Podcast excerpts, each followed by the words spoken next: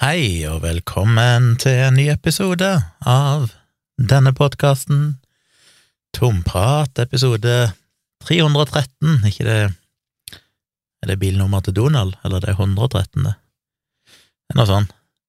Um, jeg kom tilbake igjen etter å ha vært en tur hos min datter og hjulpet henne litt med matte, og det er jo interessant. Hun går jo i tiende klasse nå, og det å hjelpe henne med matte er jo en sånn uh, ja, det, det, gir meg både god selvtillit og dårlig selvtillit, fordi eh, jeg hjalp henne litt her tidligere. Når var det? Var det tidligere i høst? Eller var det i vår, før hun skulle ha en no, prøve før sommeren? Tentamen, eller hva de kaller det nå for tida. Og da husker jeg at jeg ble litt sånn imponert av meg sjøl, for det er jo faktisk basically ja, over 30 år siden, 35 år nesten siden jeg har hatt den type matematikk. Og allikevel så var jeg sjokkert over hvor mye jeg huska av det. Eh, det var mye jeg ikke huska direkte, men så fort jeg liksom satte meg ned og begynte å tenke og litt sånn, så plutselig, gradvis, så liksom kom jeg på å ja, selvfølgelig, du må gjøre sånn og sånn. I dag var det mye uh, algebra og ja, hva heter det nå igjen? Du skulle eh, Åh, eh... oh, jeg har sittet og sagt det ordet i hele kveld med henne Faktorisere? Nei, hva heter det? Når du har en eller annen uh, ligning, og så skal du gjøre den om til parenteser, holdt jeg på å si, dele den opp, skrive den om på en annen måte, uansett. eh, alle sånne ting er jo ting jeg egentlig ikke husker, men det kom veldig fort tilbake igjen. Så jeg klarte å hjelpe henne med ganske mye. Hun var flink, hun kan jo egentlig det meste sjøl, og jeg blir alltid så imponert over hvor flink hun er til å tenke, liksom. At hun har en hun tror jo sjøl at hun er dårlig i matte, og det tror jeg egentlig bare primært er litt for mye latskap, at ikke hun tar seg tid til å faktisk lære seg de formlene som gjelder, fordi at hun har en utrolig matematisk hjerne. Det er hele tiden sånn at hun bare intuitivt kommer med svar og tall og regner ut ting i hodet som er sånn oi, shit, det, det svaret kom før jeg rakk å tenke det ut. Men eh, jeg måtte jo gi tapt helt på slutten. Da kom det noen sånne jækle oppgaver som jeg bare visste ikke hvordan du angriper det. For at du må kunne noen regler. For eksempel, har én ganske kompleks brøk med noen ligninger på over brøkstreken og under brøkstreken, og så skal du dele det på en annen brøk, og da var det sånn, hva er, hva er regelen for å dele to brøker på hverandre? Eh, så det er en del sånne ting jeg måtte liksom grave fram og google eh, for å sjekke hadde jo, Hun hadde jo en sånn app på mobilen der du bare kan ta bilde av hele det mer eller mindre komplekse regnestykket, og så viser den ikke bare svaret, men hele utregninga av det, som er fantastisk, ganske herlig. Så den brukte vi jo etter, etter vi hadde prøvd så lenge vi kunne, og liksom kom fram til et svar. Så for å sjekke at jeg, For jeg var så redd for at jeg lærte henne noe som var feil, for jeg vet jo ikke hvordan du egentlig skal gjøre ting. Jeg bare prøver å tenke logisk og dra fram det jeg husker. Og da brukte vi den appen på slutten bare for å verifisere at jeg ikke sendte henne helt på villspor, og da, da, stemte det jo. Så var det et par vi rett og slett ikke fikk til, og da brukte vi appen, og så fikk vi en forklaring, og det sånn, å ja, selvfølgelig, det er sånn du gjør det. Og når vi først, først bare liksom ble påminnet hva som er regelen, så kunne vi jo løse mange andre oppgaver, sånn at hun lærte det. Så jeg måtte gi tapt til slutten på noen av oppgavene, så at det måtte hun rett og slett bare spørre læreren sin om i morgen, og få han til å forklare hvordan du løser dette, for jeg skjønte det bare ikke. Men hun fikk gjort en del, og jeg synes det er litt gøy, og det er rart at jeg må bli 48 år gammel for å egentlig verdsette hvor nyttig det er med den matematikken vi lærte på ungdomsskolen. I den tid føltes det jo bare som hvorfor skal vi lære dette, det er jo bare det er jo bare meningsløse Det er jo bare teori, liksom. Det er bare når du lærer for å lære det. Mens nå, derimot, når jeg sitter og skriver bloggposter og prøver å regne på statistikk og sannsynlighet i forbindelse med vaksiner og bivirkninger og sånn, så oppdager jeg jo stadig vekk at shit, jeg skulle ønske jeg huska bedre hvordan du gjorde dette. Så det var en god, eh, god liten oppfrisking, rett og slett, å sitte og hjelpe henne. Og jeg har jo, siden jeg ikke har vært hatt hovedomsorgen for dattera mi, så har jeg jo vært litt frakobla akkurat den delen av livet hennes, dette med å sitte og hjelpe med lekser og sånn. Det har vært minimalt med det i min, eh, mitt fedreskap, som jo er litt trist, og derfor setter jeg litt pris på, nå som jeg er flytta nærmere, at jeg nå kan hjelpe henne i større grad, for jeg synes det er ganske givende å kunne bidra på akkurat den fronten. Men jeg tenker jo de foreldre som må gjøre dette hele tida, som bor sammen med ungene sine på heltid, eh, dere må være jævla smarte, for dere får kontinuerlig oppfrisking i alt dette her, når dere hjelper ungene deres. Jeg misunner jo folk som tenker sånn shit, jeg skulle ønske jeg kunne gjort dette hele tida, så jeg fikk det oppfriska. Lærer jo så mye av å hjelpe ungene med lekser og forberedelser til prøver. anyway, det gikk nå iallfall, på et vis. Vi var jo i Oslo her i forrige uke. Vi har jo denne bitte lille hybelen der inne som vi heldigvis nå snart skal flytte ut av og inn i en større leilighet, som nå ser ut til å bli ledig allerede fra midten av desember, så vi får flytte inn. Nå er det jo faktisk bare ja, litt over halvannen måned til vi kan eh, flytte inn i den, og det blir jo det blir et helt nytt liv, for det, det, å være i Oslo nå er jo som å bo på hotell, holdt jeg på å si, det å ha den hybelen, altså du sitter jo, vi har ei seng der, det er alt vi har.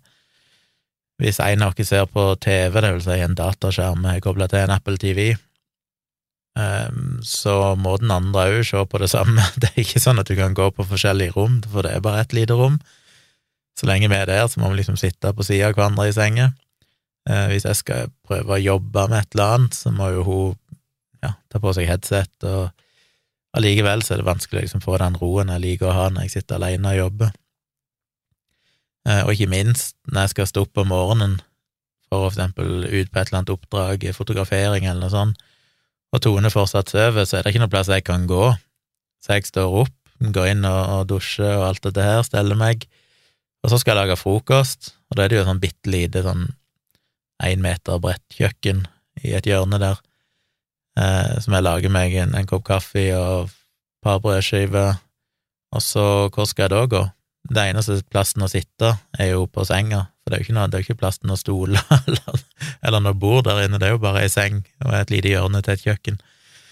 Så jeg må liksom bare sette meg på sengekanten i mørket, for så lenge hun sover, så kan jeg ikke bare skru på lyset i taket heller, og som sagt, det er ikke noe annet rom, jeg kunne jo gått inn på badet og satt meg på dass, kanskje, eh, men det er ikke så appetittlig å sitte på do og spise frokost. Så det er litt sånn stress å være der i, i mange dager. Så det førte jo blant annet til at uh, jeg lovte jo en dialogisk episode, det ble det ikke noe av. Vi reiste jo inn på onsdag kveld forrige uke, jeg tok bilder på torsdagen etter å ha jobba hele dagen, som for så vidt var deilig. Jeg tok med meg Macbooken, gikk ut og satte meg på uh, Hva er dette? Sentralen, er det dette? Ja, en eller annen sånn plass i Oslo. Uh, der det er ganske greit å sitte med, med Macbooken. Og det var for det første den der Macbooken, altså den nye, den M1 Macbook 16-tommeren, har jo et basically uendelig batteri. Jeg, jeg lader den jo aldri når jeg har den med meg på tur. Jeg kan bare bruke den i time etter time etter time og sitte og jobbe uten han kobler til strøm, og så hvis jeg kommer hjem igjen, så plugger jeg den til en USB-C-kabel, eller det er vel teknisk sett en Thunderbolt-kabel, som går til en sånn USB, eller Thunderbolt hub, og så lader han via den, i tillegg til at disker og skjermer og sånn er kobla til der. Så han lader egentlig bare når han står her og fungerer som en stasjonær laptop. Så bare kobler jeg den ifra Thunderbolt, steker han med meg i sekken, kan være på mange dager på reise og bruke han, trenger aldri lade han egentlig. Så det å bare kunne dra den opp og sitte på en kafé og jobbe hele dagen uten å tenke på at jeg må finne strøm og koble til og alt det der, er jo bare helt fantastisk. Så der setter den iallfall i noen timer og jobber, uh, og det er jo noe jeg har savna, det er jo en av de tingene jeg virkelig liker, det å sette meg på kafé med laptopen og enten sitte og skrive eller blogge eller bare jobbe med jobbe-jobbe-ting. Herlig. Kjøpe seg en kaffe, uh, en smoothie, et eller annet, bare sitte der, kunne løfte blikket og se ut på veien på folk som går forbi. Bli så inspirert av det. Så jeg jobba der noen timer før jeg gikk og fotograferte. Og så var jo egentlig planen på fredagen at vi skulle spille inn en dialogisk episode. Av ulike årsaker så ble det ikke noe av det. Og så hadde vi egentlig ikke noe mer å gjøre i Oslo, og så er det jo det da med den bitte lille hybelen, det er ikke så kult å bare henge der for å henge der, så, og så får jeg òg en sånn, vet ikke, jeg elsker det der med å bare hoppe i bilen og kjøre av gårde. Så jeg foreslo plutselig til Tone at du, vi skal ikke bare kjøre hjem i kveld, da, istedenfor å bli til, til søndag, som egentlig var planen når dette var fredag. Og så var hun litt sånn jo, vi kan sikkert det. Og da var jo klokka allerede sju på kvelden, vi kom oss vel ikke av gårde før klokka var nærmere åtte, eller noe sånt, halv åtte-åtte på kvelden. Og det er et eller annet med det jeg bare syns er så idyllisk, det å bare pakke bilen, sette seg inn og så begynne å kjøre på kvelden når det er mørkt, og så vite at nå skal vi kjøre i mange timer. For det er et eller annet med når, det jeg, jeg, bare elsker ting som gjør at jeg må gjøre et eller annet utenfor de vanlige arbeidstidene. Det er nesten så jeg koser meg hvis det dukker opp en serverfeil klokka tre om natta, eh, sånn at jeg vet, eller hvis jeg vet at vi skal gjøre en oppgradering på serverne, sånn at jeg må sitte oppe hele natta og jobbe så er det jo selvfølgelig slitsomt. Eh, litt skummelt ofte, for det kan være krevende ting, redd jeg skal ødelegge noe, redd noe skal gå galt, bla, bla, bla. Men jeg får alltid en sånn liten eufori av det å liksom vite at resten av verden har gått og lagt seg, holdt opp seg. Selvfølgelig er det mange som jobber nattevakt og sånn, men, men, det er ikke den vanlige arbeidstida å vite at nå skal jeg sitte opp og jobbe med dette og kan sitte i fred. En av de, en av de gangene jeg føler jeg får liksom skikkelig roen, på en måte, bare fordi jeg føler at nå har jeg en unnskyldning til å sitte oppe hele natta uten å ha dårlig samvittighet. For jeg er jo et ekstremt B-menneske, men det er jo alltid sånn snev av dårlig samvittighet, det å ikke følge den døgnrytmen som resten av verden følger. Resten av verden som står opp klokka seks, halv sju om morgenen og går på jobb halv åtte-åtte, mens jeg sover mye lenger og begynner å jobbe mye seinere, og jobber heller utover ettermiddagen og kvelden og så sitter jeg oppe til langt på natt før jeg legger meg. Det er litt idiotisk at du skal liksom føle skyldfølelse for det, at ikke du innretter deg etter, men det, det er sånn som sitter igjen fra barndommen, ungdomstida, at du alltid fikk en reprimande fra foreldrene med at eh, jeg hadde sittet oppe hele natta eller vært oppe altfor seint, og du bare føler at det er noe galt med det. Jeg klarer aldri å kvitte meg med det. Selv om det er ingen her i dette huset som klager på det, så er det bare fortsatt en sånn Skyldfølelse. Jeg tror det er derfor jeg får sånn eufori når jeg plutselig har en grunn til å sitte oppe og gjøre et eller annet. Så det at vi bare kjørte hjem på kvelden, det var liksom Ja, det var skikkelig kos. Å bare høre på podkast, sitte og prate, kjøre hjemover i mørket. Det var skikkelig deilig. og så var det deilig å komme hjem og kunne sove i sin egen seng. Og, og så føles det som at du får ei ekstra helg, for ofte når vi er i Oslo og kommer hjem på søndagen, så er det litt sånn ok, du er hjemme, men så er det jobb på mandagen. Mens det å komme hjem på fredagen eller natt til lørdag, stå opp neste morgen, og så er det fortsatt helg, det, var, det føltes som du fikk ei ekstra lang helg. Så det var rett og slett eh, ganske deilig, men det ble dessverre ikke noe dialogisk. Vi skal jo inn til Oslo igjen, ikke denne uka her, men uka etterpå, det som òg kalles for neste uke. Fordi Tone har bursdag da, så vi skal inn og ha en liten eh, bursdagsmiddag og jeg skal på en eh, Snarky Puppy-konsert på Sentrum Scene. Så skal vi ut og feire Tone litt etterpå. Invitert noen eh, venner som skal bli med et eller annet sted. Finne en eller annen utested og sitte og chille. Problemet er at det er vanskelig å chille. Det er jo det som er utfordringen, det er jo å finne et utested som faktisk er for pensjonister som oss. Som er eh, relativt rolig. Du kan bestille noen drinker, glass vin, men det er ikke masse støy og musikk. Så hvis noen har tips til et rolig utested, som fortsatt er oppe ganske seint og sånn, i Oslo, relativt sentralt, så send meg gjerne mail på tompratpodkast.gmil.com, eller sleng en tweet i min retning, eller et eller annet sånt. Fordi det er det største problemet, det er at jeg syns det er koselig å sitte ute på et utested, men det er jo ingen utested jeg liker, fordi at alle er bråkete. Så gjerne et tips til det, ja. Men det blir iallfall en tur eh, neste uke òg. Hvorfor sa jeg det, egentlig? Jo, fordi at da får vi se. Hvis det passer for dag og alt mulig sånn, så kan det jo være vi får en ny mulighet til å spille inn dialogisk. Vi får se hva som skjer. I dag så har jeg òg sendt ut bøker-omsider. Beklager så mye. Herregud, jeg er jo langt over en måned forsinka. Jeg hadde jo folk som hadde sendt meg adressen sin allerede tidlig i september. Men takk for tålmodigheten. Det har skjedd ganske mye.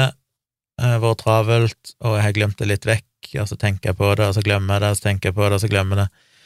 Eh, men mest primært er det jo fordi at jeg måtte flytte ut av eh, kjellerleiligheten og opp i nytt kontor, og det tok litt tid å få alt på plass. Men nå er alt på plass, selv om jeg brukte jo en time ekstra i dag på å prøve å finne bøkene. Jeg har kasse på kasse på kasse med placebo-defekten, både i pocket-versjon og i innbundet versjon, Fordi Humanist Forlag hadde et sånn lagersalg når de har hatt bøkene ei viss tid. Den er jo gammel, den kom jo i 2013. Så kommer det et punkt der de liksom selger ut en del av lageret for å frigjøre plass til nyere bøker. Og da fikk jeg muligheten til å kjøpe bøkene veldig billig, som er grunnen til at jeg har de veldig billig til salgs på nettsidene mine eller i bloggen min, og jeg kan dele de ut som bonusgreie eh, i Patron og sånn, uten å tape for mye penger. Så jeg har mye kasser av de, og det er jo et problem, for vi har jo altfor lite lagringsplass i dette huset, lite botplass, og de sender jo bare stabla inn i garderober og rundt forbi. Eh, men jeg sleit med å finne håndbok i krisemaksimering. Jeg var helt sikker på at jeg hadde en del av de, klarte ikke å finne. Gikk og rota, flytta på kassa og ut i boden og rota, og der er det jo masse edderkopper, så jeg hater jo det. Eh, til slutt så fant jeg at jeg hadde en koffert som jeg hadde pakka en del bøker i, som jeg dro med meg sist jeg hadde et foredrag, og så der fant jeg noen eksemplarer, og så fant jeg noen eksemplarer i bunnen av en annen kasse, men jeg begynte rett jeg slett å gå tom for dem. men jeg hadde nok til å få sendt ut eh, til de som både hadde enten bestilt via nettsidene mine, eller fikk det som en eh, Patrion-bonus for de som har signa opp for et helt år, som enten Tjommi SM eller L, ikke Tjommi XS, det laveste nivået, det er såkalt støttemedlemskap. Det eneste du får da, er at du får eh, Hva får du? Jeg har faktisk å legge ut bonusepisodene av podkasten, den får alle. Men eh, vil du ha denne podkasten tidlig, altså med en gang jeg er ferdig å spille inn, så legger jeg den ut på Patrion uten reklame. Da må du òg være tjommi M, nei, S, M eller L, small, medium eller large, i tillegg til at du da får jo foredrag og lydbøkene mine og alt mulig greier der, på de forskjellige nivåene, det får dere lese dere opp på. Men det er jo en del som har signa opp for et helt år, og det syns jeg er veldig, veldig kult, veldig takknemlig. Uh, og da får dere begge bøkene mine helt gratis, signert i posten. Jeg kan jo like godt bare fortsette det tilbudet, uh, fordi jeg har mye bøker, og jeg har ikke plass til å ha de, så hvis jeg kan bytte bøker mot nye patrions eller nye tjommis, så er det en god deal for min del. Så veldig kult om flere av dere vil uh, gå inn på patron.com slash tjomli og bli tjommi SM eller L for et helt år. Så får dere rett bøkene, men dere må huske å sende meg postadressen og telefonnummer og slash eller e-postadresse, gjerne begge delene. Fordi når jeg skal printe sånne pakkelapper som jeg printer ut sjøl og registrerer via MyBring på nettet, sånn at jeg kan bare levere de på posten ferdig, ja, ferdig med pakkelapper, så krever de enten mobilnummer eller e-post, sånn at de kan sende varsling til deg om at pakken er på vei og alt det der. Eh, og du kan få det opp i Posten-appen hvis du er den installert og følger med på forsendelsen og sånne ting. Så jeg må ha det. Så det var jo en del som hadde sendt meg det. Jeg fikk gått gjennom det i dag og skrevet inn pakkelapper. Det tar jo tid, det der greiene. Det høres alltid så enkelt ut, men jeg må legge inn navn og adresse sånn inn på MyBring. Så må jeg legge inn navn og alle detaljer om bestillingen i et eget sånn regneark jeg har, som jeg heter regnskapet mitt. Og så må jeg jo faktisk signere og skrive en hilsen i begge bøkene, og så må jeg pakke det inn i kartong og så må jeg til slutt printe ut pakkelappene og lime de på, de riktige pakkene, og så må jeg jo komme meg på posten og få levert de, så det er jo Det tar ganske lang tid, men det er definitivt verdt det, og alt er jo relativt lett når jeg heter det Maybring og en sånn pakkelapp-printer, så blir jo ting mye lettere. Men, eh, men, ja, det var en liten påminnelse om det tilbudet. så jeg fant til slutt noen bøker, jeg må kanskje bestille flere håndbok i krisemaksimering ifra forlaget. De må bli overraska over hva Jeg føler jeg bestiller, ja, det er jo ikke ofte, men én eller to ganger i året så bestiller jeg jo flere bøker ifra deg, en ny kasse med bøker. Jeg tipper det blir solgt mye mer bøker av den direkte ifra meg enn det som blir solgt via forlaget eller butikker. Så de bør jo være glad for det, at jeg gjør hele salgsjobben for dem. Og det er jo en av de grunnene til at jeg generelt sett ikke er spesielt gira på det med å gi ut bøker at hvis jeg skal gi ut bøker, så er det nesten fristende å selvpublisere. Fordi som forfatter så får du, hva er det, 13 av inntektene. Så 87% av inntektene går til forlaget. Eh, det er ikke den beste dealen, det er en standardkontrakt. Og så gjør de basically ingenting for å promotere bøkene. du, du skriver. Selvfølgelig kommer det an på hvem du er og hvor stor du er og sånn, men for meg som er en liten, relativt ukjent forfatter, og signerer en kontrakt med de, gjør ferdig boka, og så blir han lansert, og så skjer det liksom ingenting. Og det skuffa meg veldig, at ikke de kan kjøre på med litt annonsering på Facebook eller Instagram eller avisannonser. Um, de, jeg skjønner jo at det, det, koster de penger, men det er litt sånn hvis ikke de har ressursene til å investere det i å promotere bøker, hvorfor skal en da bruke et forlag i det hele tatt? De tar jo som sagt 87% av inntektene, og det er litt sånn Hvis jeg printer bøkene, så er det en del sånne printere nå som gjør det veldig profesjonelt og relativt billig. Det er ikke noen stor risiko, for du kan printe opp, og så kan du få nye hvis du går tom på ganske så kort tid. Når de først har oppsettet, så er det ganske billig for dem å printe nye bøker. Uh, så det eneste de kan hjelpe med, er jo liksom dette her med at i beste fall så sender de ut anmelderbøker til avisene og sånn. Det har de vel kanskje gjort, men det har jo basically ikke blitt noen anmeldelser. Det ble jo litt anmeldelser av placeboeffekten etter hvert, men uh, ikke, lite liksom i de store avisene og sånn. Det var mer sånn Sykepleien og litt sånn rare tidsskrift rundt forbi, som selvfølgelig var relevante, men det fører ikke til verdens mest salg, tror jeg. Håndbok i krisemaksimering fikk vel én anmeldelse, eller sånn, nei, to anmeldelser, én i Minerva-nett, som var en, for så vidt en god anmeldelse, og en i Stavanger Aftenblad, der det var en som egentlig hater skeptikere, som eh, anmeldte boka, og sånn, så det, jeg vet ikke, det var en digresjon, men eh, ganske irriterende, ja, at eh, en får så lite, det er jo andre forfattere som har klagd på det, at det er jo en ganske sånn håpløs stil. Det, det, er jo vanskelig å motivere seg for å skrive ei bok når du vet at du, det skal så mye til å i det hele tatt gå i pluss på den boka. Sånn som håndbok i krisemaksimering, det er jo, det er jo et tapsprosjekt å skrive ei sånn bok, for det, det, går så mye tid, og så selger du bitte grann av den. Det eneste du kan tjene penger på, det er hvis du klarer å få til noen foredrag. Jeg har jo hatt noen foredrag knytta til den boka. Men allikevel, sammenligna med tid jeg ikke brukt, så er det ikke akkurat noen, noen god business, så Får skylda på meg sjøl. For dårlig bok. Men jeg syns jo ikke det, og jeg skal si en av grunnene til det, det er jo det har vært så mye saker de siste årene som plutselig dukker opp i media som sånn helt sentrale liksom tema som alle diskuterer, og så sitter jeg bare og river meg i håret. Sånn, men dette her skrev jeg jo om i håndbok i krisemaksimering. Hvorfor var det ingen fuckings aviser som var interessert i i det hele tatt anmelde boka eller lese den da jeg skrev den, mens nå, mange, mange år seinere, så er plutselig mange av de tingene et tema de skal liksom fronte. Og det er jo én ting nå, igjen, så er det jo kommet opp denne saken med der de hevder at eh, Skal vi se at politiet fortier overfallsvoldtekter. Og det er jo plutselig blitt en sak nå i 2022. Men jeg skrev jo faktisk om det i 2016, i Håndbok i krisemaksimering. Da skrev jeg jo mye om dette med kriminalitetsstatistikk, og hvordan media hauser det opp og gjerne gir et feil bilde. Denne falske ransbølgen i 2013, for eksempel, som aldri eksisterte, videre. Men jeg skriver jo òg om eh, denne såkalte voldtektsbølga som skjedde i 2011. Og jeg skal bare lese, det er bare to sider eller halvannen side i boka eller noe sånt. Jeg eh, har skrevet om det, det tar bare et par minutter å lese. Jeg skal bare lese det fra håndbok i krisemaksimering, fordi jeg følte jeg fikk lyst til å kommentere akkurat den debatten som har vært nå, lite grann. Og der skriver jeg, under en tittel som heter Voldtektsbølgen, og Det kommer da etter at jeg har skrevet om denne ransbølgen og forklart hvorfor det skjedde, med copycat-effekt og, alt mulig rart. Eh, det var ikke det som skjedde der, da, men jeg skrev om andre ting som utløser sånn copycat-effekter og alt mulig rart. Jeg skrev masse greier, og så kom jeg da til voldtektsbølgen.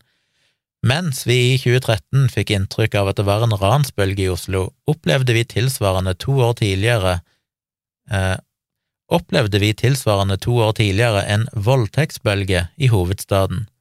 Et betydelig mediefokus på en serie overfallsvoldtekter i Oslo i 2011 førte til en stor økning i antall anmeldte voldtekter.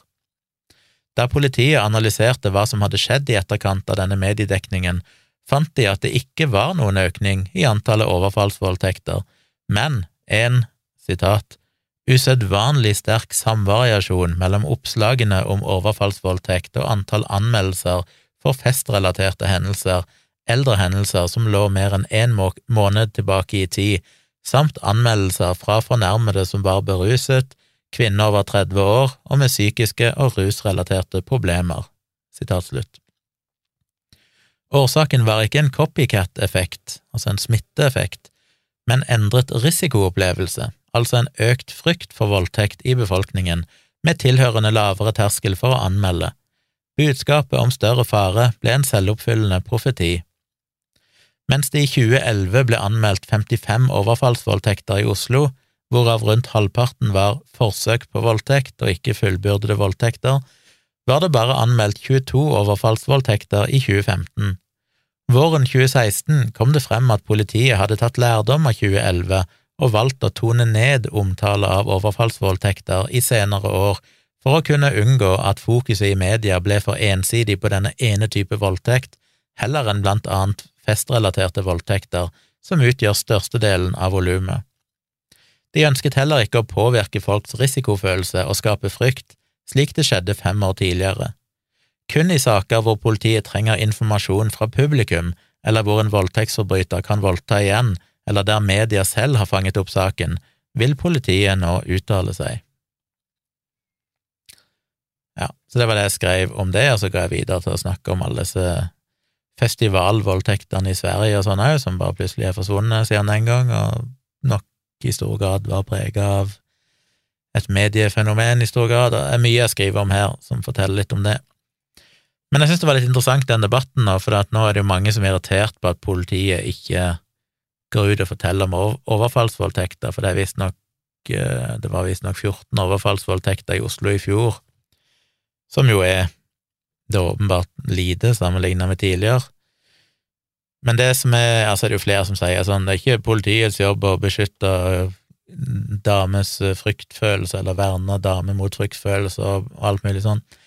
Men det argumentet som ikke kommer fram i, i den debatten som har vært nå, syns jeg, og som jeg skriver om i boka, og som kom fram i den rapporten som politiet kom med vel i 2012 eller noe sånt, det var jo det at det er jo helt absurd at det er et sånt fokus på overfallsvoldtekter, fordi de utgjør jo under en halv promille, kanskje, av alle voldtekter som blir begått. La ikke si at det, hvis det i Oslo ble begått 14 overfallsvoldtekter, det blir vel begått flest overfallsvoldtekter i storbyene. Jeg tror jeg regner ut i den tida jeg så på statistikken at kanskje i snitt så lå det på en 50-60 eller sånn overfallsvoldtekter i året, og det er kanskje sunket nå.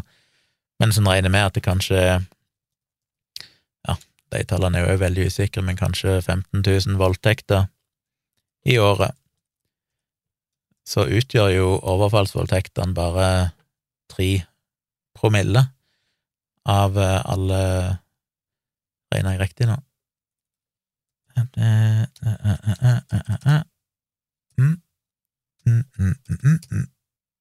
Ja, noe sånn Tre promille.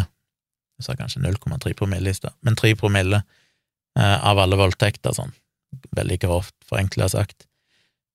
Og det er jo derfor så rart at debatten om voldtekt føles jo som at 90 av det vi hører om voldtekter, er overfallsvoldtekter. Det er liksom det folk er opptatt av, spesielt, som jeg skriver mye om i boka og har skrevet mye om i bloggen, den absurditeten med hvordan innvandringsmotstandere kun er opptatt av voldtekt når det er overfallsvoldtekter, fordi overfallsvoldtekter er en overvekt av ikke-vestlige innvandrere som står bak, eh, og derfor er det er de liksom sånn Hvis vi bare får stengt grensen og stoppa innvandringen, så er på en måte voldtektsproblemet eh, løst. Ja, kanskje tre promille av voldtektsproblemet løser du hvis det er overfallsvoldtekter du er opptatt av. De gir jo totalt faen i at de aller fleste voldtektene skyldes for eksempel alkoholbruk og, så videre. Ingen som tar til orde for at uh, alkohol er det store problemet. Uh, og ja, det er en stor debatt, selvfølgelig er det ikke alkohol heller, det er holdningene, det er alt dette her, men alkohol er jo en, en, en av de viktigste faktorene. Så hvis en virkelig ville gjøre et eller annet grep som skulle få ned voldtekter, så er det jo å, å jobbe mer aktivt med å få redusert alkoholkonsumet i, i samfunnet. Eh, men poenget er iallfall at overfallsvoldtekter blir haussa opp, og det er jo det som er, da. det er lett å forstå politiet at skal virkelig media gjør, skal de liksom rapportere til VG og Dagbladet og NRK hver gang om at nå har det skjedd en overfallsvoldtekt, og så skal det da på forsida av avisene, når det utgjør, som sagt, kanskje tre per tusen voldtekter som blir begått.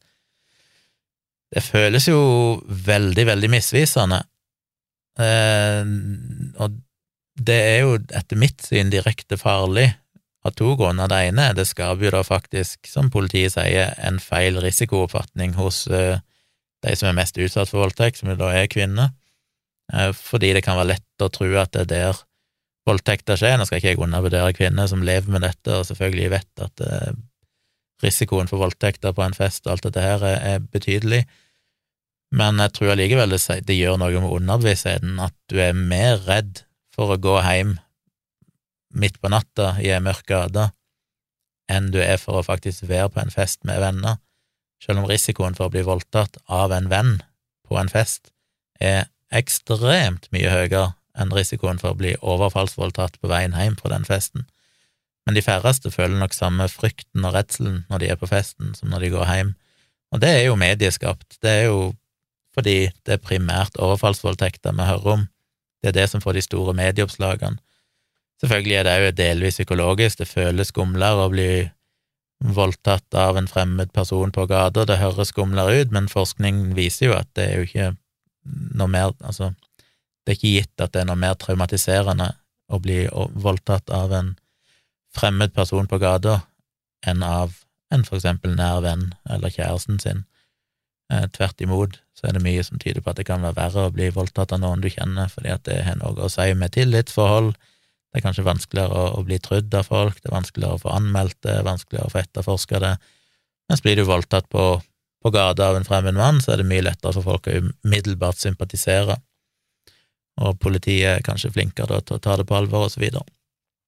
Dette har jeg snakket om før, og dette skriver jeg mye om i håndboken Krisemaksimering, av all den forskningen rundt voldtekt som, som underbygger det. Men jeg syns iallfall at uh, Jeg er nok enig med politiet her. Jeg tror det er fornuftig av de å ikke gå ut hver gang det er en overfallsvoldtekt, for da eh, burde de òg gå ut hver gang det var en vanlig voldtekt, og teknisk sett så skjer det jo hundrevis av voldtekter hver eneste dag. Skal vi virkelig slå det opp hver gang? Hvorfor skal vi rapportere overfallsvoldtekter, men ikke alle andre voldtekter? Eh, når det er klart at av de, la ikke si det er 15 000 voldtekter, så er det kanskje ikke det, 10 eller sånn som blir anmeldt. Så men det vil jo fortsatt bli flere voldtekter hver dag som blir anmeldt rundt om i landet. Og jeg tror ikke alt av det havner i avisene, for det er ikke så interessant at en eller annen full dude voldtar venninna si på en fest, men så er det en overfallsvoldtekt, så er det et eller annet med at uh, blod selger, ikke sant, if it bleeds, it leads. Det er et eller annet med hvordan media har vært de siste hundre årene, at det, det er bare sånn det er blitt, men det er jo ingen rasjonell grunn til det, og det ødelegger nok vår egen virkelighetsoppfatning ganske kraftig.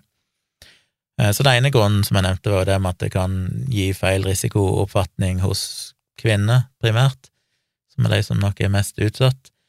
Eh, men i tillegg så gjør det gjør det òg vanskeligere å diskutere voldtekt og faktisk jobbe imot voldtekt, fordi det får så mye fokus, som sagt, for eksempel de som da skal tilsynelatende være så opptatt av kvinners ve og vel, selv om de egentlig bare er opptatt av å få kaste ut alle ikke-vestlige innvandrere. Det er alltid rørende når det er rasisme, reindyrka rasisme, som driver fram eh, omsorg for norske kvinner, som de kaller det. Men det er jo veldig tydelig der, hvordan det gjør at disse folkene helt åpenbart ikke aner hvor de fleste voldtekter blir begått, og hvem som begår de fleste voldtekter, fordi de har bare lest om disse overfallsvoldtektene, for det er de som kommer i avisen, og da hører de at 'oi, ja, det var en somalier', eller 'det var en iraner, eller det var et eller annet, ikke sant, og så tror de at hele overfallsvoldtektsproblematikken, eller hele voldtektsproblematikken, skyldes innvandring. Så det gir et veldig, veldig feil bilde, og jeg holder nok veldig med at eh, politiet ikke trenger å gå ut med det. Jeg kan vanskelig se at jeg skulle tjene noen som helst nytte. Hvorfor skulle det hjelpe noen at de går ut og rapporterer om det? Eneste er, som de sjøl sier, det er hvis det faktisk er en eller annen voldtektsforbryter som de frykter kan begå nye overgrep, som de ønsker at publikum skal hjelpe til med å identifisere og sånne ting, hvis jeg kan faktisk beskytte direkte. ha en preventiv effekt, men bortsett fra det så finnes det absolutt ingen grunn til at de skal gå ut med det. Og den ideen om at eh, politiet holder det skjult, og så videre, igjen, hvis jeg hadde lest boken min, der jeg faktisk går inn i disse rapportene og forklarer ganske systematisk hvorfor disse avgjørelsene er gjort, så hadde det jo oppklart en del og sluppet en del av disse debattene. Men media var jo ikke så interessert i boken min, sikkert fordi jeg primært kritiserte media i denne boken. Eh, så nok om det. Jeg har jo sett Jeg vet ikke om det blir en slags anbefaling, men jeg må virkelig anbefale sesong to av UXA med Thomas Seltzer, eller Thomas Seltzers USA, eller UXA, på NRK. Fire episoder. Eh, sesong én var jo bra. Sesong to er vel minst like bra, synes jeg, kanskje bedre. Jeg synes nok første episoden her var litt sånn, jeg hadde sett den, så var jeg litt sånn, ok, dette her vet vi jo. Alt det som blir forklart i denne episoden, er jo ting vi har hørt tusen ganger før, så hva er greia, liksom?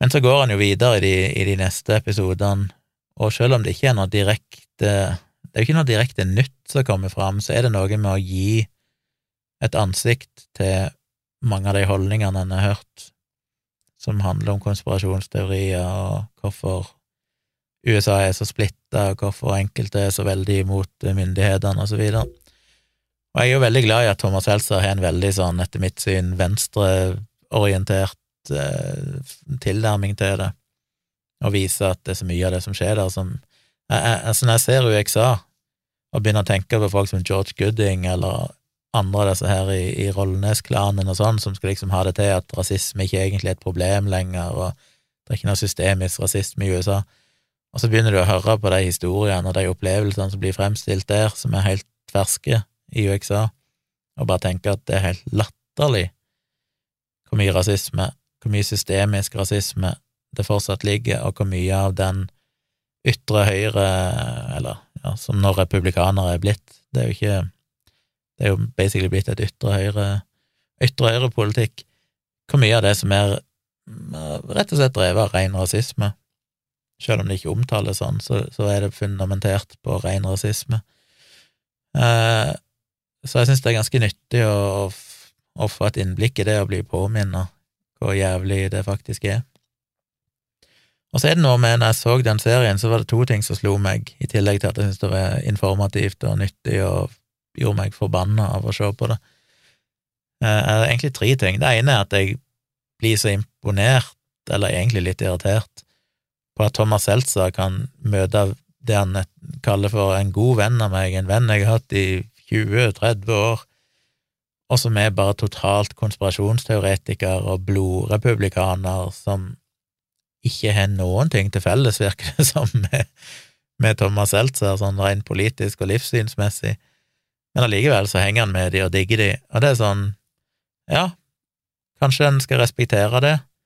Jeg sliter med det. Jeg har vanskelig for å, å omgås folk som er totalt uenige med meg. Da mener jeg ikke at vi kan, ikke kan være uenige om enkelte saksopplysninger og sånn, men, men det å bare være så på helt motsatt side politisk, eh, det klarer jeg liksom ikke helt å se igjennom så jeg beundrer jo Thomas Seltzer litt, for det er på en måte litt sånn idealet, da, at ja, du skal, selv om du er uenig og sånn, så skal du kunne være glad i alle og se på hverandre som medmennesker og alt det der. På den annen side sett så føles det som at han ikke tar det helt på alvor.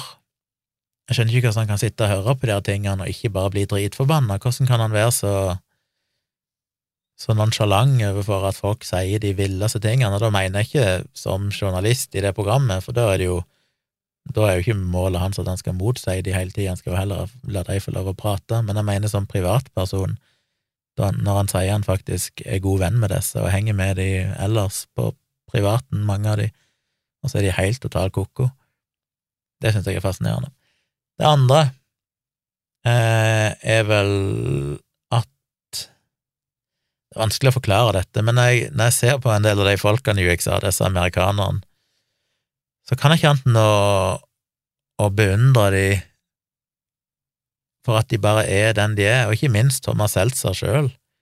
Han går der i en stygg caps og ei ganske lite tiltalende skjorte med belte bare hengende løst nedover låret, og går på noen slitne sandaler. Altså, han bryr seg jo ingenting. Og det bare slo meg, det har bare gått opp for meg mer og mer hvor mange av folk jeg beundrer som bare gir total faen i alt av ytre, og bare er kule fordi de er den de er. De står for det de står for. Jeg, jeg er jo ikke en person som er veldig opptatt av utseende.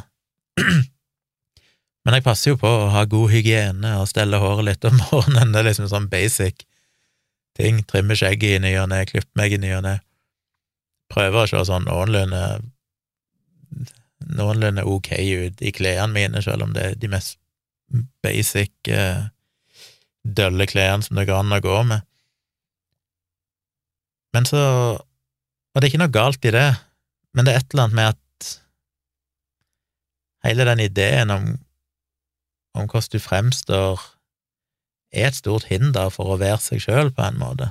Jeg tror aldri jeg kommer til å klare å forklare hva jeg egentlig mener i denne episoden her, eller mens jeg snakker nå. Det er bare en følelseseffekt når jeg så på det, en eller annen sånn genuin beundring for folk som bare gir faen, liksom, og bare er seg sjøl. Det er jo en av de tingene jeg føler er så urealistisk i filmer og TV-serier.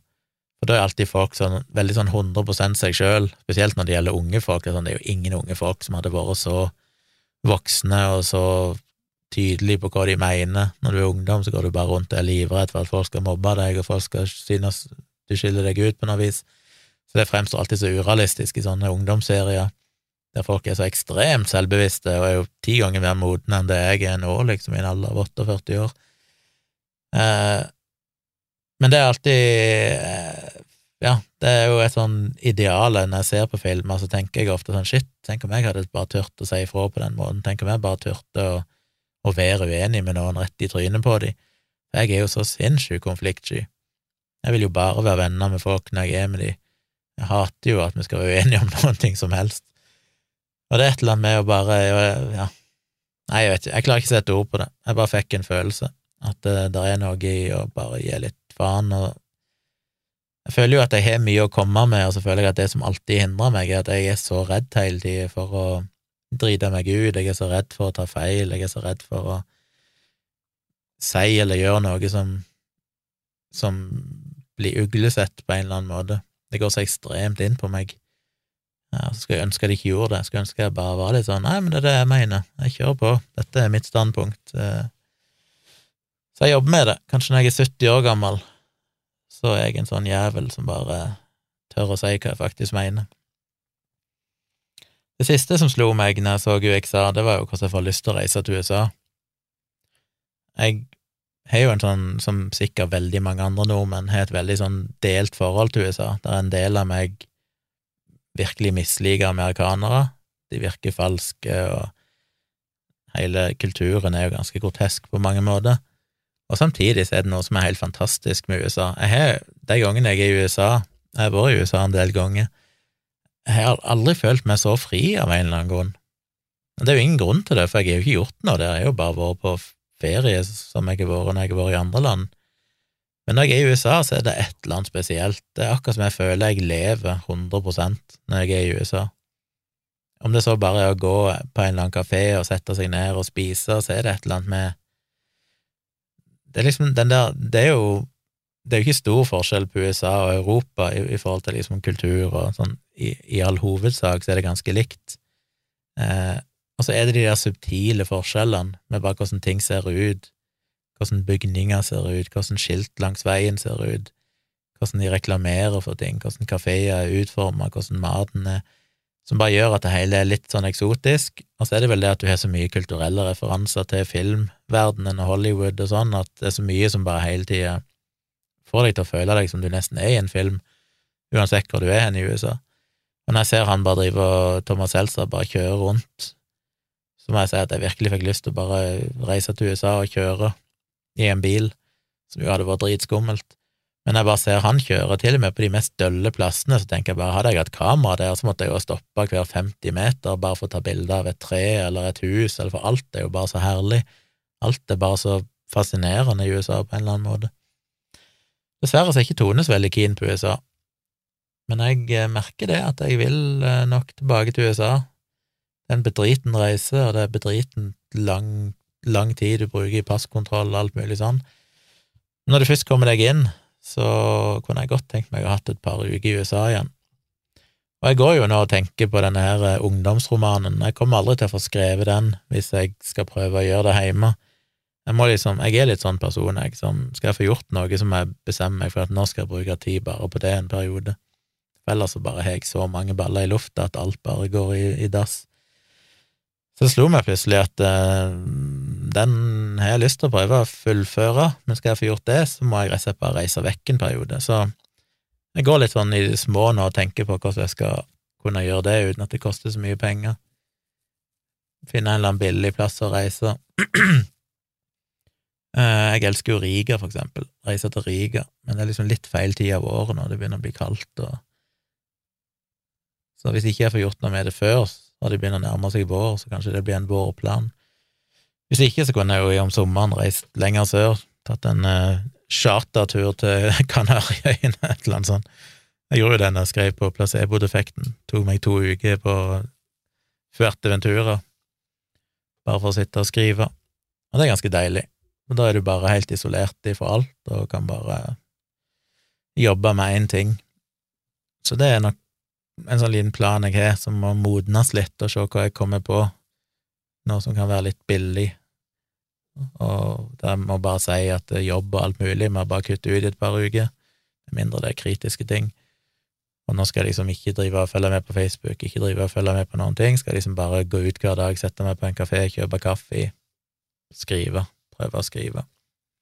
Jeg vet ikke hvor lang tid det vil ta, men hadde jeg fått to til tre uker, så kom jeg nok et godt stykke på vei, iallfall nok til at jeg vil føle på om dette er noe jeg ønsker å, å gjøre helt ferdig, eller om jeg føler at nei, dette her kommer jeg ingen vei med. Så det er nok en liten drøm jeg har. Vi får se. Og så var det en morsom ting. Jeg snakket jo i forrige episode litt om snus. Må ha litt kaffe. Nei, cola heter det.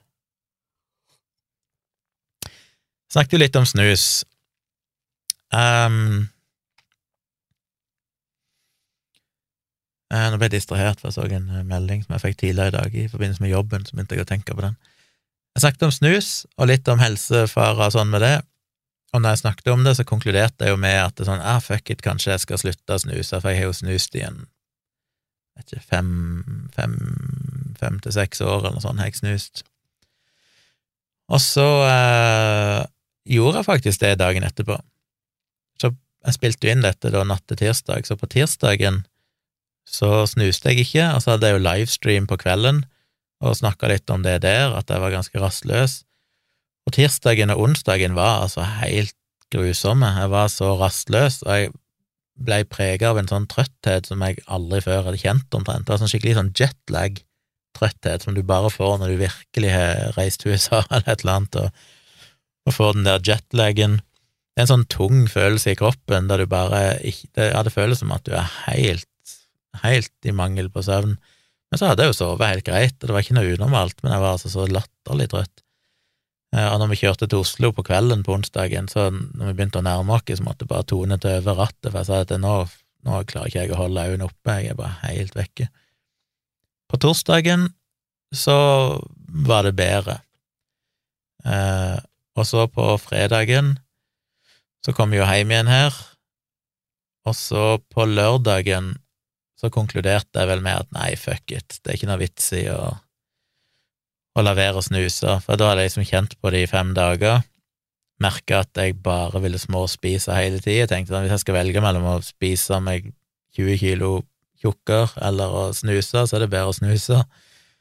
Eh, og så fikk jeg jo litt den der inspirasjonen fra UXA og alt dette her, men sånn fuck it, jeg er så lei av jeg er så lei av at jeg føler meg hemma av at, jeg, at alt handler bare om å hvordan kan du leve sunt, og hvordan kan du leve lengst, og hvordan skal du unngå den og den risikoen, og så av og til får jeg bare en sånn fuck it, vil bare leve, gi nå faen i alt, Prøv å unngå de verste risikoene som å røyke, for eksempel, eller å drikke for mye. Men ellers, jeg kan ikke bare leve og tenke sånn, hvordan kan jeg få to år ekstra å leve, hvordan kan jeg minimalisere, eller redusere risikoen for den krefttypen med fire prosent? Det er så mye jeg føler går og stresser på hele tida, Jeg går liksom hele tida og vurderer alt er prega av en form for skyldfølelse og moral. Hver eneste valg jeg tar, er liksom er dette riktig, er det riktig, er det et riktig valg, burde jeg ha gjort noe annerledes? Og så er jeg sånn, ah, jeg er så lei, jeg vil bare være meg sjøl og bare gjøre det som føles godt, og kjøre på, liksom. Så lenge jeg ikke skader andre, så er det bare å, å bry seg litt mindre om alt det styret. Det er litt av problemet med å være opptatt av vitenskap og kritisk tenking og sånn, at alt i livet blir jo skal du liksom kunne skal du kunne argumentere for alle valgene skal være rasjonelle, og det blir veldig stressende etter hvert når du føler at ja, men dette her er jo egentlig ikke rasjonelt å gjøre, men allikevel så gjør jeg det. Anyway, jeg hadde liksom gjort en sånn lite regnskap i hodet mitt og tenkte at jeg, jeg, jeg, er mer rolig, jeg er mer konsentrert, eh, risikoøkningen ved å snuse er ikke veldig stor sannsynligvis, og alt dette her, så tenkte jeg fuck it, jeg snuser igjen. Og så var jeg ute en tur, og så kommer jeg hjem, og så plutselig så popper det opp en melding på mobilen min, en sånn notification, der det sto noe sånt som at uh, opp, telefonen har oppdaga en markant endring i puls de siste dagene. Og så klikket jeg meg inn på meldingen, og så kom jeg inn i helseappen på iPhonen, og så står det en melding at uh, de siste fem dagene har du hatt en betydelig nedgang i puls. Og så er det en graf da som viser gjennomsnittet i dagene før, og så gjennomsnittet de fem siste dagene, som da ligger ni slag i minuttet lavere. Og jeg ble litt sånn mindblown, for det er sånn, ok, her slutter jeg med snus, og dette er jo ikke telefonen som oppdager det, det er jo Apple Watchen da, som er på håndleddet mitt, som måler pulsen den hadde da oppdaga at hvilepulsen min hadde gått ned, og det var så fascinerende at han sånn helt spesifikt sa at de fem siste dagene så har vi merka en markant nedgang i hvilepulsen din, og det var akkurat fem dager siden jeg slutta å snuse. Og det gjorde noe med meg, for da, da var det sånn oh shit, fuck it. Uh, her er det jo helt åpenbart en veldig tydelig sammenheng, da, mellom at jeg slutter å snuse, og så bang, så går hvilepulsen min ned. Det må jo bety noe. Det må jo være en god ting at hvilepulsen går ned med nesten ti slag i minuttet. Så jeg gikk og kasta snusen som jeg nettopp hadde lagt inn på, og tenkte ok, jeg skal gi det et forsøk til. Eh, det var liksom den inspirasjonen jeg trengte. Det var sånn, veldig sånn konkret, det var ikke bare studier og forskning og og eh, statistikker og sannsynligheter, men det var liksom iPhonen som ikke visste noen ting om at jeg hadde slutta å snuse, bare helt uavhengig av alt, bare plutselig fant ut han skulle si ifra om at nei, hei, du, de fem siste dagene, som er akkurat de fem siste dagene, uten snus, hadde hvilepulsen min gått betydelig ned. Og så er jeg jo litt interessert, interessert i å se hvordan det påvirkes av at jeg eh, vaper litt, for jeg klarer ikke å bare kjøre gå cold turkey på nikotinen. Eh, og som jeg har sagt tidligere, så selv om jeg ikke tror snus er veldig farlig, så er nok mitt inntrykk at vaping, altså e-sigaretter, er kanskje enda mindre farlig enn det igjen. Så i risikopyramiden så kommer vel kanskje vaping best ut, med alle forbehold om at det kan dukke opp nye data, men, men de dataene som finnes, og det teoretiske grunnlaget, peker jo i retning av at det neppe skal være spesielt farlig å vape, selv om risikoen neppe er null. Så jeg har valgt å vape litt mer og kutte snusen, eh, og det gjorde jeg kanskje ikke de Jo, jeg gjorde vel egentlig allerede for dag én. Kanskje første dagen så vaper jeg ikke, da skal jeg liksom kutte alt, men så fant jeg ut nei, fuck it, jeg må ha litt nikotin, så, så jeg er litt spent på å følge med nå de neste dagene, nå som jeg har vapa litt mer, om da pulsen går opp igjen, for hvis han gjør det, så kan det være et godt argument for meg sjøl å tenke at ja, ja, hvis nikotinen har den effekten, så kanskje Kanskje jeg skal slutte å vape òg gradvis. Eh, men kanskje ikke, for jeg har veldig inntrykk av at du får i deg mye mer nikotin ifra snus enn ifra vaping, for jeg merker at når jeg kun vaper, så er det ikke som å Det er ikke det samme som å snuse. Det er liksom som en sånn ti prosent Altså, det reduserer cravingen etter snus eller nikotin med noen prosent, men, så det er liksom akkurat nok til å ta, ta the edge off, men det er ikke den samme greia som å snuse. Så jeg er litt spent på hvilken effekt det vil ha på, på puls og sånn, siden det virker for meg som at jeg får i meg mye mindre nikotin når jeg vaper enn når jeg snuser. Vi får se, jeg skal følge litt med de neste dagene, se hva helseappen sier. Jeg eh, nevnte jo det, var det ved forrige var kanskje for to uker siden, da jeg skulle livestreame og ble forsinka, for jeg klarte å Eller var det det? Jo, jeg, nei, jeg skulle spille inn podkast, men jeg skulle livestreame innspillingen av podkasten.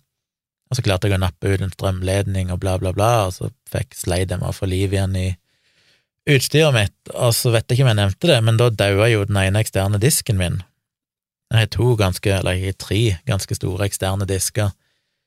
Eh, en av de har hatt videofiler, en av de har hatt bilder og lyd, altså podkaster og fotografier, og en av de er litt sånn diverse, pluss eh, sånn time machine backup.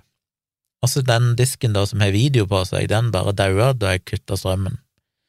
For jeg får ikke liv i den igjen. Jeg vil anta at de fysiske diskene innvendig er i orden, men at bare elektronikken i selve den boksen som diskene står i, er daua. Så det tenkte jeg jo, så har jeg vært plaga litt da med at det var ganske mye støy når jeg har tre eksterne disker som står og suser. Så jeg gikk til det skrittet å kjøpe meg, bestille meg en ny ekstern disk, og den fikk jeg for noen dager siden. En eh, Lassie G-Raid-disk, 24 terabyte, som eh, da skal jeg erstatte de andre diskene, for tanken var at hvis jeg erstatter de andre diskene med bare én disk, som etter anmeldelse og sånn skal være ganske stillegående og sånn, så må det være en god ting. Så fikk jeg disken, kobla den opp, og det tok jo først et godt døgn å bare få kopiert over alle filene.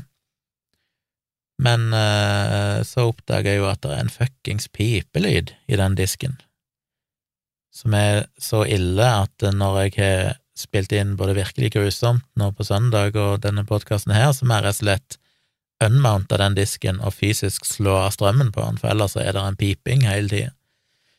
Det er en virkelig strek i regninga, og jeg vet ikke helt hva jeg skal gjøre med det, for det er sånn Jeg prøvde å google, finner ikke noe spesifikt om akkurat den den eh, maskinen. Jeg tror det er knytta til kjølevifta. Så først tenkte jeg kanskje jeg kan isolere den bak noen akustiske paneler ditten og sånn, sånn at det ikke hører så godt. Men det er en sånn resonansfrekvens som er litt fascinerende, for hvis jeg sitter i kontorstolen min, så er volumet på den Hvis jeg holder hodet i en spesiell vinkel, så er ikke lyden der i det hele tatt. Så bare vri hodet en centimeter, så kommer lyden. Så det er liksom akkurat avhengig av at jeg plasserer ørene i en eller annen sånn resonansfelt i rommet her, for at jeg skal høre den lyden. Men han er veldig tydelig i tone, jeg hørte han òg til og med på utsida av kontoret, kom inn og sånn, shit, hva er det for en pipelyd? Så jeg må se om jeg kanskje må til med skrujern og demontere vifta, se om det går an å olje den, eller et eller annet. Eh, siste løsning er å som jeg nevnte tidligere, skulle gjerne at de den inn på et annet rom, men den, de kjører jo på Thunderbolt, og jeg tror ikke det finnes lenger enn tre meter kabler på Thunderbolt, og da er jeg litt sånn fucked, for det er mer enn tre meter ifra her og inn på naborommet. Så da må han stå inn på dette rommet her, og da må jeg finne ut hvordan jeg skal dempe lyden. Jeg har ikke lyst til å returnere disken nå, for nå har jeg jo fuckings kopiert, sittet i evigheter kopiert over filer. Og da er det kjipt om jeg skal plutselig bare fuck, jeg må returnere den. Så jeg får se hva jeg gjør, men det er jækla kjipt. Hvis noen har noen gode tips, send de av gårde til tompratpodkast.gmail.com. Nå har jeg snakka så lenge og ikke engang begynt på det jeg egentlig skulle snakke om, at jeg må kanskje bare kutte et par ting.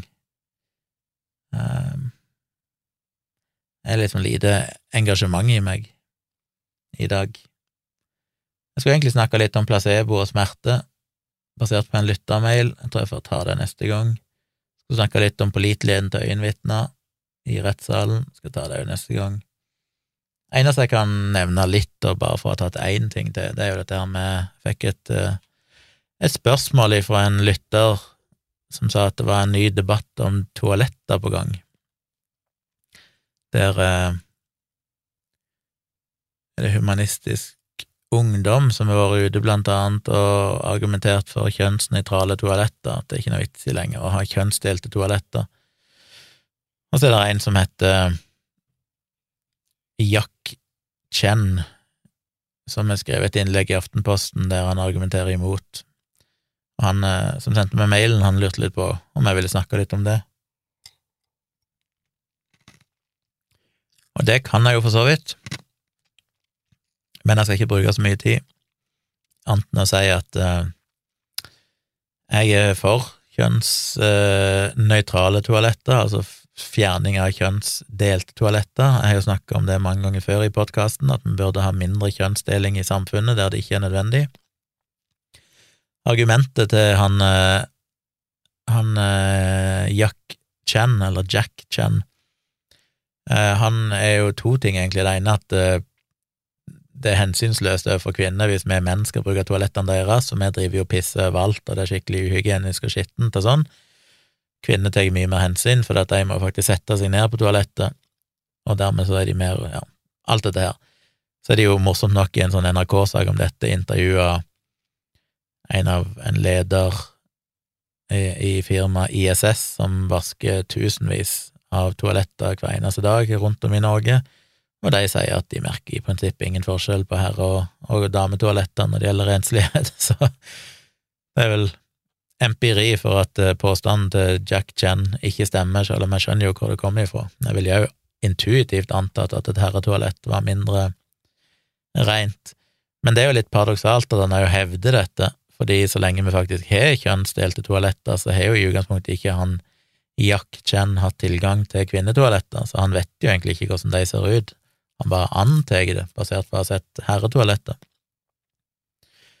Uh, så det er jo litt paradoksalt.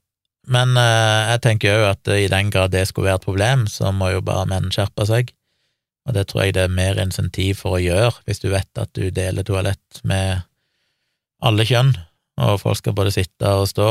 Det er jo mange menn òg som sitter og tisser, så en burde uansett ta hensyn til det, men kanskje en blir litt mer bevisst.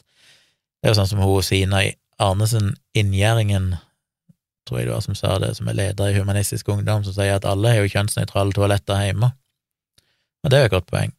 Vi jo, deler jo toalett med alle kjønn i, i heimen, og det ser ikke ut til å være noe problem, så hvorfor det plutselig skulle være et stort problem når du er ute med tanke på hygiene og sånn, er litt sånn rart. Jeg tror ikke det argumentet er spesielt godt, pluss at det kan jo òg løses i den grad at uh, en Jeg mener jo at kjønnsnøytrale toaletter bør ha, være godt utrusta med uh, sånne urinal, som gjør at menn i stor grad kan bruke det når de bare skal tisse, og så kan i større grad vanlige klosetter være forbeholdt kvinner som skal tisse, eller menn som tisser sittende, eller de som skal gjøre number two, som kanskje hjelper litt, da. Og så er det dette med tryggheten. Det er vel ingen, Han er vel innom det litt med at eh, kvinner trenger en trygg sone når de er på byen. Hvis ikke de har toalett å gå på, så mister de noe av tryggheten. Jeg har jo lyst til å sympatisere for en sånn tanke, for jeg jo prøver jo å være sympatisk for at det er ikke lett å være kvinne eh, på byen med, med, fulle menn og klåing og tafsing og det som måtte skje, og ja, kanskje et kvinnetoalett kan føles som en slags trygg sone. Problemet med den påstanden er jo da at hva gjør du med transkvinner, da? Hvor skal de gå? Skal de da, for da får du hele den der toalettdebatten igjen, skal de gå på kvinnetoalettet, skal de gå på herretoalettet, er det sånn at vi vil ha kjønnsdelte toaletter, men har full aksept for at folk sjøl kan velge hvilket toalett de går på, så er jeg jo mindre problemer med at det er kjønnsdelte toaletter. Store problemet med kjønnsdelte toaletter er jo nettopp det at det er ikke alle som blir akseptert på det toalettet de kanskje sjøl føler seg hjemme i, og noen føler kanskje ikke at de hører hjemme på noen av toalettene. Så det føles jo mer riktig med tanke på at kjønn, eh, kjønnsidentitet, ikke er binært, at det ikke heller toaletter er binært delt på den måten. Men, eh, men ja, jeg vet ikke, jeg skal ikke snakke så veldig mye om det, jeg er tilhenger av å fjerne kjønnsdeling der det er mulig. Så jeg tenker jo at uh, kjønnsnøytrale toaletter, ja, så kan en eventuelt ha kanskje et par ekstra boder som er litt mer skjerma enn de andre, altså litt mer sånn skikkelig avlukka toaletter for de som trenger litt ekstra privatliv eh, i noen settinger, det kan det jo være der er, folk som ikke ønsker at det skal være, selv om de kan gå inn og lukke ei dør, så er det kanskje synlig unna og over, og det lager lyd og alt mulig. Kan være tilhenger av det. At du er litt sånn forskjellig, du har en blanding av urinaler og innlukka toaletter og kanskje et par ekstra innlukka toaletter. Og så hadde det jo fint når de begynte å spille litt musikk på toalettene, sånn som de gjør i Japan, her litt sånn uh, bakgrunnslyder. Uh, mye som kan gjøres med norske, norske, offentlige toaletter, det er ikke så mye å skryte nødvendigvis. Og der er jo mange plasser, mange bygger og sånn jeg har vært i seinere tid, som har, har kjønnsnøytrale toaletter, der det ikke er noe For eksempel jeg var ute og spiste her på ja, et eller annet plass i Oslo nylig, og så skulle han ned på do i kjelleren, og så er det jo bare felles dame og herre bak inn i samme rommet, og så er det bare å ta den doen som er først tilgjengelig. Så jeg ser ikke helt det store problemet. Ja, det var ikke så veldig fantastisk mye interessant jeg hadde å si om det, men jeg synes det var for så vidt interessant å bare nevne det, ettersom jeg fikk en mail om det. Jeg beklager til dere andre som har maila meg, jeg tror jeg får ta det i neste episode. Skal prøve å komme med en ny episode nå på fredag, hvis ikke det dukker opp noe i mellomtida som skulle forhindre det, men det er iallfall målet. For de som har fulgt med, så slapp jeg jo en liten bonusepisode her på Når var det? Var det på lørdag eller på søndag? Der er rett og slett etter oppfordring eller ønske fra en, en lytter ønska at jeg kanskje leste inn den der Dagbladet debattinnlegget jeg hadde om religiøs healing, at jeg leste det inn som podkast. Så heller enn å bare gjøre det som en uh, bonuspodkast inne på Patrion, så tenkte jeg at siden den teksten ligger ute på Dagbladet, og jeg syns den er såpass viktig at jeg vil at flest mulig skal ha tilgang til den, så la jeg bare det ut som en offentlig bonusepisode i den vanlige podkastfeeden. Så det dukka vel opp en, en bonusepisode hos dere alle som hører på. Håper dere setter pris på det. Hvis dere liker å høre at jeg leser inn tekster jeg har skrevet, som ofte er ganske lange, så kan dere altså bli Patrion, og der har jeg lagt ut flere sånne tekster som jeg har lest inn fra bloggen min, som da ligger inne på Patrion, og du kan få i podkastappen din via Patrion, eller høre på i Patrion-appen, eller bare rett på nettsida i Patrion. Mange måter å gjøre det på. Jeg eh, skal komme tilbake igjen. Ja, det siste jeg må nevne, for det er jo egentlig en anbefaling. Det ene er at uh, Sigurd Fokke Pult har jo begynt igjen. Uh, hvor mye så vi? Bare sett én, eller har vi sett to episoder? Jeg vet ikke, jeg digger iallfall de folkene. Jeg digger de som står bak serien, syns det er en absurd og kul serie. Det er jo sesong nå, fire eller noe sånt som er ute. Så det er jo kult. UXA har jeg jo allerede anbefalt, en gang på NRK. Sigurd Fokke Pult, ikke det er jo NRK? Ble jeg usikker. En eller annen kanal. Men jeg ville bare til slutt nevne, igjen basert på en lyttermail, at uh, både The Problem with John Stewart, som går på Apple TV pluss, som er John Stewart sin uh, Apple TV uh, pluss talkshow-serie, som vel er ute i andre sesong nå, eller noe sånt. Den første episoden i den nye sesongen som starta for kort tid siden, heter The War Over Gender og tar rett og slett for seg transdebatten. Og den anbefaler jeg virkelig å se, hvis dere har tilgang til Apple TV. En fantastisk gjennomgang, spesielt den siste tredjedelen eller sånn av episoden, så møter han en eh, Hva er det for noe? Et eller annet sånn justispolitiker, et eller annet i Arkansas, som han sitter face to face med, og hun er da blant annet vært med å lede en innføring av en ny lov i, Ark i Arkansas, Arkansas som eh, gjør det forbudt å behandle ungdom under 18 år med noen form for kjønnskorrigerende behandling, enten det er medisiner, hormoner eller kirurgi. Litt morsomt da at han påpeker at det var gjennomført null kirurgiske inngrep på barn under 18 år for kjønnskorrigerende behandling, sånn at hele den loven er jo egentlig bare en beskytter jo mot noe hypotetisk, selv om jeg tror ganske stor andel av befolkningen tror at det skjer hele tida, at de opererer barn over en lav sko, selv om det aldri skjer. Uh, ja. Så han har jo en Det er jo en av de beste eksemplene på god journalistikk jeg har sett. Altså hvis Tenk om alle, alle intervjuer kunne vært så spissa og så smarte som det John Stewart gjør der, der han bare totalt plukke ifra hverandre hennes argumenter, sånn at du får nesten vondt av at hun skal sitte der og dumme seg så ut, og han er bare så på hogget. Jeg må bare se, hvis ikke du har Apple TV Pluss, som du absolutt burde ha, for der er de noen av de beste seriene som finnes for tida, Så sjekk ut om du finner noe Det finnes en del klipp på YouTube og sånn, jeg vet ikke om du får se hele, men det finnes i hvert fall utdrag fra det intervjuet på YouTube òg. Men hele episoden er interessant. Han intervjuer òg noen foreldre til, til barn som har ja, valgt å skifte kjønn eh, på en eller annen måte, enten det bare er si, mentalt, bare med å stå fram med det og erklære seg som eh, et annet kjønn enn det de opprinnelig hadde, eller de har gått lenger med operasjoner og sånn. Men iallfall den debatten der òg er jo fantastisk å høre de historiene og, og litt sånn. Så går han òg litt inn i dette her med er egentlig kjønn binært, og har en sånn genetiker i publikum, eller som selvfølgelig ikke er i publikum, da, men som snakker litt om det. Så det er en sånn en grei liten gjennomgang av den debatten som topper seg med dette intervjuet, som bare er helt fantastisk. Og så kom jo tilfeldigvis da òg Last Week Tonight med John Oliver med en ny episode òg, som heter Transgender Rights 2. For de har hatt en tidligere episode om transgender rights for noen år siden. Men denne episoden òg var fin. Jeg har sett den, akkurat nå husker jeg ikke helt hva, hva han handler om, jeg vet bare at jeg så han og likte han. Eh, og begge de to episodene blir jo nevnt av han som sendte meg mail nå, han anbefalte de òg. Så jeg vil sjekke ut det. Dere finner jo den der Last Week Tonight med Transgender Rights 2, den, det går vel egentlig på HBO, men du finner de òg på YouTube, så hvis du bare søker på Last Week Tonight, så finner du blant de nyeste episodene der. Den kom vel den kom vel i forrige uke, tror jeg. En episode som heter Transgender Rights 2. Uh, eh, sjekk ut den òg.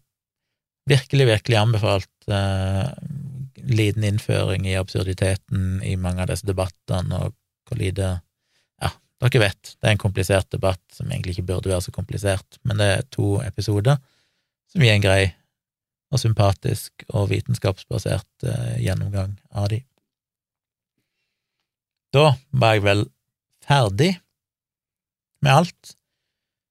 Igjen følte jeg ikke jeg hadde noen ting å si, og så har jeg plutselig gått langt over en time før jeg i det hele tatt omtrent har begynt på det jeg egentlig skulle si, så beklager det. Håper det allikevel var ok å høre på, at jeg satt og ranta om alt mulig rart. Jeg har fått ganske mange gode tips, så jeg skal komme tilbake til deg i fremtidige episoder. Eh, fortsett å maile meg på tompratpodkast.gmail.com. Får se hvordan det blir med livestream, om jeg gjør det i morgen eller i kveld, da, tirsdag kveld, som jeg pleier. Hvis det blir, så legger jeg det ut på YouTube.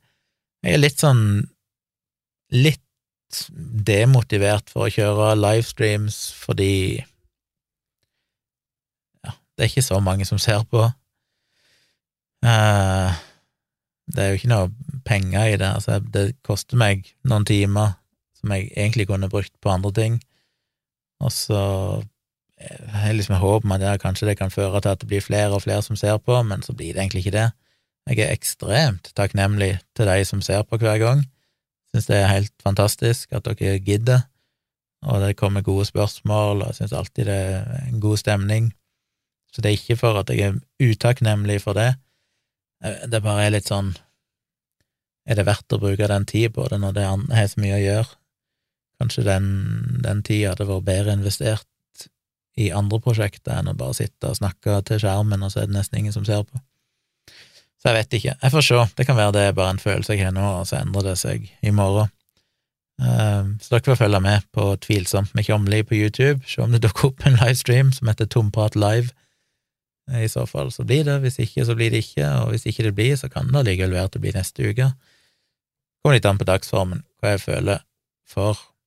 Det er mulig jeg har òg litt vurdert å gjøre en endring, om jeg skal kjøre Jeg gjorde vel det litt tidligere. Kjøre livestreamen live inne på YouTube, nei, inne på Patrion, og iallfall føle at ok, de som er patrons, får se dette live, de er de minste betalt for det, og så eh, og så heller legge den ut offentlig etterpå. Men hvis du vil se den live, så må du være patron. Jeg vet ikke. Jeg vet ikke. Jeg skal tygge litt på det. Jeg er nysgjerrig på, hvis dere har noen tanker om det sjøl, så er det mulig å maile meg.